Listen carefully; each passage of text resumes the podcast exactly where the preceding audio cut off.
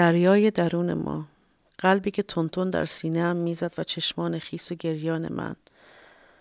مرا دوباره برد به خاطراتم با تو با بابا و مامان. یه جمعه آفتابی بود گرم بود. دریا مثل همیشه آبی و سبز بود. شنا و ماسه های دریا گرم و نرم بودن. آسمان آبی آبی و زیبا بود. بدو بدو دست در دست هم به سمت دریا می دویدیم. با دستای کوچولومون صدف های مختلف و قشنگ جمع می کردیم و توی سطل پلاستیکی می ریختیم. الان چشمامو یه آن می بندم و یک نفس عمیق از ته دل می کشم. اشکام صورتم رو خیس می‌کنه و دردی توی قلبم میپیچه و خودم را دوباره آنجا با پای برهنه دم دریا می‌بینم.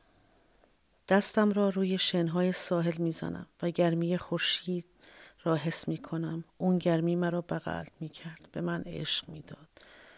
از راه دور یکی مرا صدا می کرد. میترا میترا نگاه کردم و تو رو دیدم. با اون چشمای سبز دریایی و با یک لبخند بزرگ به طرف من میدویدی. نفس نفس زنان. میترا من یک صدف پیدا کردم که از مال همه زیباتر و قشنگتره. تو نگاه کن باور کن. با سرم آره گفتم و تو را در آغوشم گرفتم. همدیگر را صف بغل کردیم. همدیگر را مدتی صف در آغوش گرفتیم تا اینکه صدای بابا اومد. بیاین بس دیگه می‌خوایم بریم.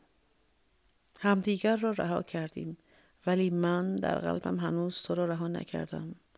داداشی کوچولو تو و اون چشمای ناز سبز دریایی همیشه دریای من خواهی موند و همیشه در قلبم زنده هستی. چشماتو ببند و در آرامش بخواب عزیزم. چون چشمای من برای همیشه تا آخر عمرم برای تو و برای خودم و به یاد با هم بودن نگاه خواهد کرد. تو زنده میمانی در قلبم تا ابد.